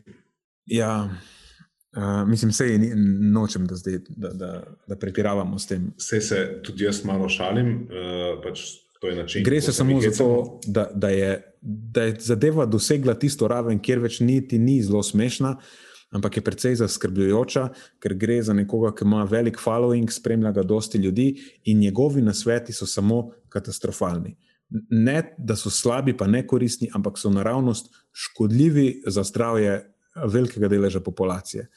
Ne govorimo o nekom, ki svetuje ljudem z konkretnimi izvidi, ki imajo izjemno visoke ravni holesterola, eh, konkretno holesterola v LDL delcih, za katerega vemo, da je vzročno povezan z slabšimi izidi na področju kardiovaskularnega zdravja, da jim potem svetuje, da morajo pojesti več masla in več nasičenih maščob, da bodo ne vem, neko presnovno magijo ustvarili z njihovimi lipidi in se bo zgodilo ne vem kaj. Dočim vemo, da je vnos nasičenih maščob, oziroma delež nasičenih maščob v prehrani tista stvar, ki zvišuje holesterol v LDL delcih, pomeni, da je to točno obraten na svet, ki ga ljudem moraš dati. Meni se zdi, da je ta oseba je javno zdravstveno tveganje v Sloveniji. Imáš kajenje, povišena telesna masa, na tretjem mestu Gašper Grom. In to je oseba, ki jo moramo sprejeti v norišnico. In potem na četrtem, mestu, na četrtem mestu je alkohol. Prav tako si sestavil lestvico. Malo se šalim, malo sem piker. Pa, um... Ja, ja malo si piker, ampak v redu. Pač svoj podcast je pa lahko delaš, kar češ. Malo se hecam. Ampak ja, lej, um, pogovarjali smo se dolgo o tem, koliko je smiselno skozi hoditi kot maška okoli vrele kaše, pa samo nakazovati na neka opozorile, ki jih nihče nikoli v bistvu zares potem ne, ne, ne prepozna. Um, ja, vem, da je Gašpr, ne, uh, Gašpreva navodila so tebi že dlje časa uh, um, trn v peti in predvsej razumem, uh, zakaj. In to, kar si zdaj utemeljil, um, je nekaj, kar se v zadnjem času morda celo bolj um, pogosto dogaja ali pa je samo bolj pogosto, pogosto pride do nas. Spomniš se namreč, Nenad, ko si se uh, mi pridružil, sva že takrat bila deležna različnih posameznikov, ki so prišli od tam, od njega, z dobesedno identičnimi jedilniki. Se spomniš? Uh -huh. uh, tako da v bistvu sem pol poznal že njegov jedilnik na pamet, ki ga je v bistvu vsem dajal in tudi puncam, ki so bile. Um, voditeljice skupinskih vadb, ena takšna punca je prišla k meni, ki je na tistem njegovem jedilniku tako res totalno porušila odnos do prehrane, bila je v taki psihični buli, izgubila je menstruacijo za več mesecev, res, res grozne posledice. A največja, meni osebno, največja pa je bila lekcija, se spomniš, njen pa ne bom imenoval, ki je prišla k nama z Neandom uh, po uh, epizodi, uh, večmesečni epizodi sodelovanja z Gašprem, ker je kljub temu, da je poročala o hudih stranskih učinkih pretiravanja z maščobami oziroma keto diete, keto diete ki je predpisal, imela je huronsko drisko. Uh, hude bolečine, je pri njemu vse, kar je dobila nazaj, je bilo še več maščobjev. Tako da je dobesedno spravilo do točke, da je bila čist že na psu. Ne? Tako da, ko je prišla potem k nama, doskrat, mislim, v samem štartu smo imeli težavo, sploh kje začeti, ne? ker kar koli smo jedli drugega za jesti, je bilo že pač težko prebaviti. Tako da um, res je vprašanje, kaj tukaj vse se dogaja v ozadju. Jaz in ti, um, oba Gašprija, recimo, da poznavate, imaš v bistvu tudi izkušnjo z njima, um, tudi jaz. Uh, tako da težko, težko sodim o tem, ampak ne vem, kaj je šlo tukaj narobe. No. Ja, mislim, jaz ničesar ne, ne morem reči na osebnem nivoju ali kar koli. Lahko sem rečem, da na sveti, ki jih dosledno daje že eno leto, so večinoma škodljivi in zelo malo je koristnega. Res je, da lahko beremo zgodbe o tem, kako je veliko ljudi izhujšalo na ketogeni dieti, Ampak, kot smo že prej rekli, izguba telesne mase ni en in edini dejavnik, ki določa o kakovosti življenja posameznika. In vprašanje je tudi, seveda, da daješ ven informacije o tem, pozitivne stvari. Me pa zanima, kakšen je delež tistih, ki ti pišejo sporočili, da imajo 11 holesterola po novem, da imajo nore vrednosti LDL-a, da jih da, hoče dati zdravnik na statine, da imajo eksplozivne driske, da imajo pokvarjen odnos s hrano, da ne upajo jesti krompirja. Veš, to ni nekaj, kar ponavadi objaviš na profil. In mislim, da je teh ljudi precej. Absolutno. Potem, Vsaj, to so tisti, s katerimi na koncu imamo mi opravka. Pa ne samo to. Dobivam redno slike iz njihove zaprte skupine, kjer ljudje sprašujejo, zaskrbljeni, hej, nekaj se dogaja z mojim holesterolom, krvna slika je totalno porazna, kaj naj naredim. In da mu potem rečeš, jej več masla in kokosove maščobe, je Samo mo- to je umor. out of this world. Ja. To je nevideno. Ja, tako da to je težko karkoli človek doda.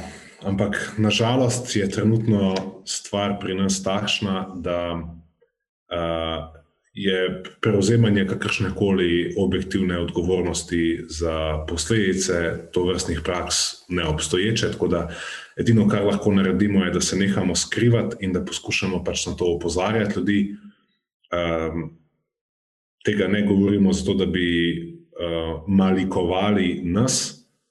Uh, jaz osebno, če ste poslušali epizodo v preteklosti, lahko sam sebe um, posipam s pepelom. Morda, če bo Nenad hotel to izrezati, ne izreže, pa bom vseeno povedal. Uh, jaz pa Gašper in njegova ekipa smo bili skupaj v Južnoafriški republiki na LCHF summitu. To je bilo tedenski dogodek, v bistvu je bil vrh LCHF, pač dogme tistega časa. In tam sem imel možnost sedeti poleg njega, se z njim pogovarjati, družiti. In tudi uh, poslušal sem uh, predavati uh, uh, Jasona Fanga, poskušal, poslušal sem predavati Nasima Malhotra, Malhotra se tako piše. Ja, ne? Malhotra, ja. Malhotra. Uh, potem sem poslušal, seveda, Tima Noaksa, ki je bil nekako um, vodja te, te konference takrat.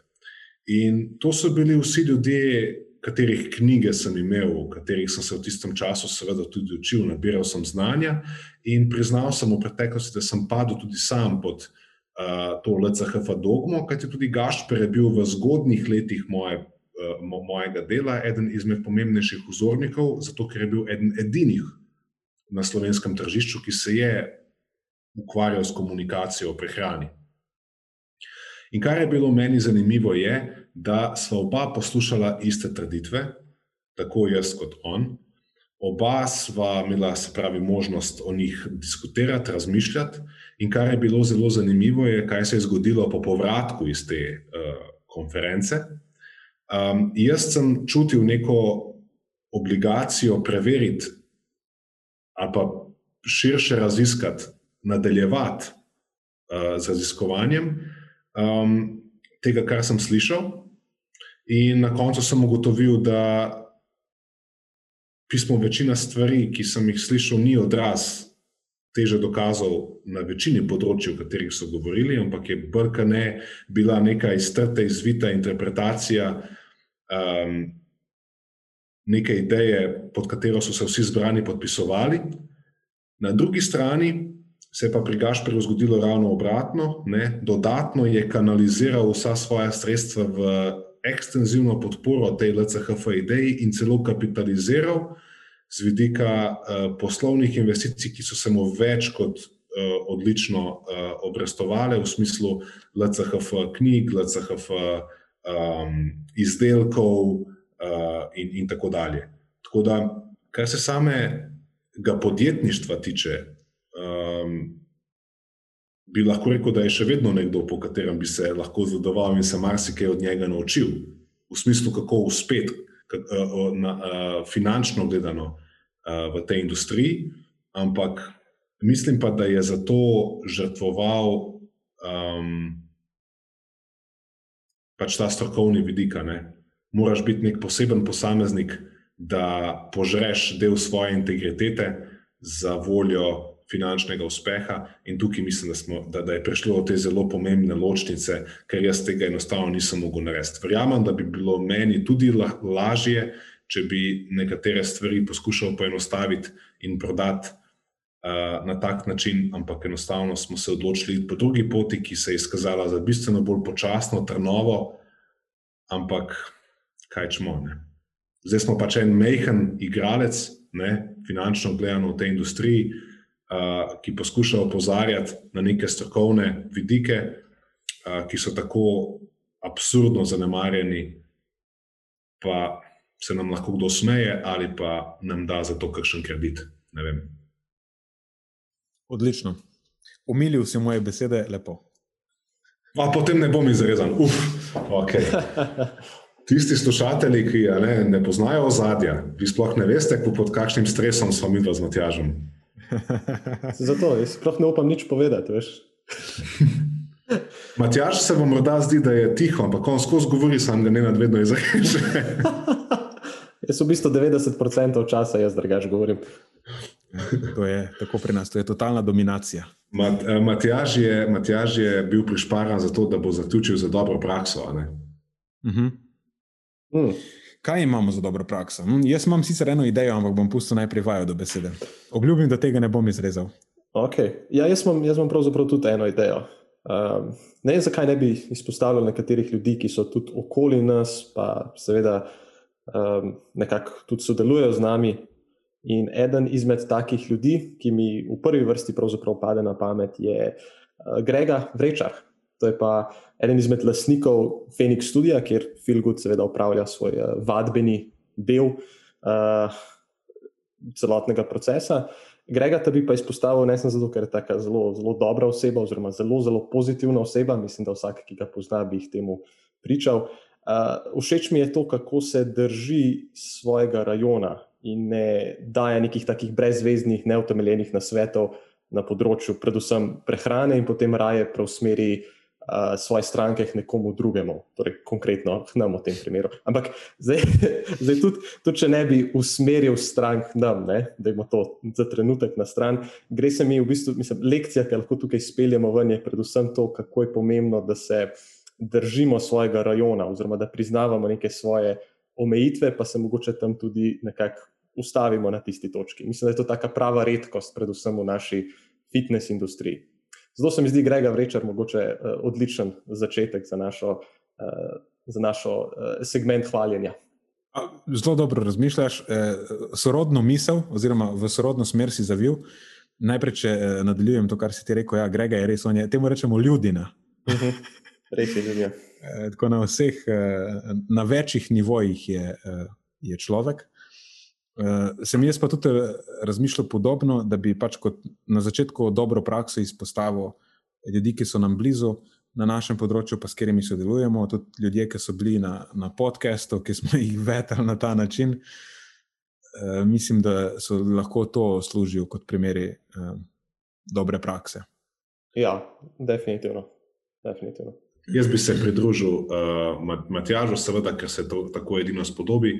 Um, Grega je nekdo, ki nam je z Matjažem v Feniksu in tudi Mihe ne bi zanemaril, kot Grega in Miha sta namreč skupaj uh, v tem poslu, uh, omogočila res um, ne samo um, super pogoje za delo, uh, predvsem pa sta uh, v tej industriji bila v vseh teh letih uh, redka, tukaj zdaj že govorimo o Gregi, ki je um, nekako videl vrednost in priznal strokovnost našemu delu in bil pripravljen tudi um, strankam ponuditi ne, uh, to, to možnost sodelovanja z nami. Um, bil bi, um, bil bi, ne bi bil fair, če ne bi priznal, da je v preteklosti uh, to že nekdo meni osebno ponudil. To je bil Janez Homšak. Um, ampak takrat je bilo sodelovanje uh, drugačno, tudi jaz sem bil takrat še mlajši in drugačen, um, ne tako zrel, prevzemati neko odgovornost, dela na tako visokem nivoju. Tako da bi, bi recimo, da sem se do danes naučil um, delati bolje in da vsi skupaj kot enota funkcioniramo bistveno bolj povezano, in morda je zdaj res en. Uh, res se je poklopilo, se je, no, da v tem okolju, kjer zdaj bivamo, da lahko skupaj pišemo res dobre zgodbe. Ja, definitivno. Uh, mislim, da se zelo, zelo domače počutimo v Feniksu že v tej trenutku. In uh, definitivno nisem mislil spregledati Mihe, uh, nekako to ni bil namen. V bistvu sem samo želel, nisem na koliko ljudi se pravzaprav lahko omejimo, pa sem hotel danes Grego najprej izpostaviti, pa potem Miho, ampak seveda ona dva prideta kot neke vrste par na, na nek način. Da, na tem mestu se zahvaljujemo Gregi in Mihi in uh, Phoenix Studio, zato ker nam ponuja z, res prilagojene okoliščine dela, kjer lahko upoštevamo pri delu z našimi strankami vse varnostne ukrepe. Um, in uh, istočasno podpirata našo filozofijo in uh, naše delo tudi na področju prehrane. Uh, tako da to je en tak res uh, dober primer. V preteklosti smo vse prevečkrat naleteli na neodobravanje, uh, celo zavračanje uh, našega znanja, kajti nekateri trenerji so celo pogosto se istovetili z uh, nami v smislu, da eh, sej tudi mi ne, vemo to, kako oni, pa lahko tudi mi uh, svetujemo o prehrani na mesto njih, zakaj bi potem jim priporočil njih, če pa lahko tudi jaz jim povem ne pet, šest stvari o prehrani, ki so najbolj pomembne, pa je pač to to. In takšno dojemanje in razumevanje tega dela je po mojem eden izmed pomembnih razlogov, zakaj ljudje um, ostajajo zmedeni, ker jim pač nek trener z omejenim znanjem o prehrani potem to znanje še bolj nekako ne zna dobro prefiltrirati, ampak jim pač proda tisto, kar je on očitno, ne, kar njemu paše, kar mu to česa je prestranski, in potem ne, pride do, pride do uh, težav pri, pri prehrani, ne, pri razumevanju prehrane množice. Dobro, dajmo mi zaključiti zdaj na tej pozitivni noti, preden zavijemo spet v negativo. Zdaj, e, vidiš, to je pri meni vedno težava. Res, Marijo, lej, dve minuti se o pozitivnih temah I, pogovarjamo. Demus. Zato, a, vidiš, zakaj imam, a vidiš, zakaj imam jaz vajo? Se to je, ja, to je. Vidiš, zakaj imam jaz vajo? To, to je, lej, teamwork. Ne da imam, da me drži v okvirih, Matjaža imam, da me skozi drži v pozitivi. Kaj češ lepše? To je to. S tem zaključujemo celo sezono podcasta Znanost dobrega počutja. Eno leto je okoli, to je 52. epizoda. Hvala vam, Fanta, za druženje, hvala vsem poslušalcem. Obljubimo, da se vrnemo z drugo sezono, ki bo še boljša kot je bila ta, ali pa bo vsaj boljša, zdaj če je ta bila dobra, ne vem. Zihar bo bolj direktna. Mogoče je malo bolj direktna, bo malo bolj strukturirana, vsem boste obveščeni. Hvala, hvala, hvala Patreonom, ki nas podpirate. Eh, brez vas ta podcast definitivno ne bi bil tak, kot je. Vprašanje, če bi sploh bil. Tako da za vas bo poskrbljeno tudi v tem času odsotnosti z nekimi drugimi, malo bolj sproščenimi, mogoče vsebinami ali pa z nekim drugim formatom, tako da ne bomo pozabili na vas. In uh, to je to, sem kaj pozabil. To je to. Da, ja, hvala vam, Fanta. Uh, hvala tudi, seveda, tebi, da si spet dal to svojo biološko kapo gor, to je vedno zabavno. Uh, hvala lepa Patreonom uh, in vsem poslušalcem, in se vidimo po, po krajšem premoru. Ajde, čau. To je za tokrat vse iz naše strani. Hvala, ker ste poslušali do konca. Delite epizodo s svojimi znanci in prijatelji in jo priporočajte dalje saj s tem omogočite, da sporočilo znanost dobrega počutja doseže čim večjo množico. Hvala vsem, ki nas podpirate s članarino in tudi vsem ostalim, ki delite podcast dalje in nam izkazujete naklonjenost z visokimi ocenami in pozitivnimi komentarji. Se slišimo prihodnjič, do takrat pa ostanite premišljeni.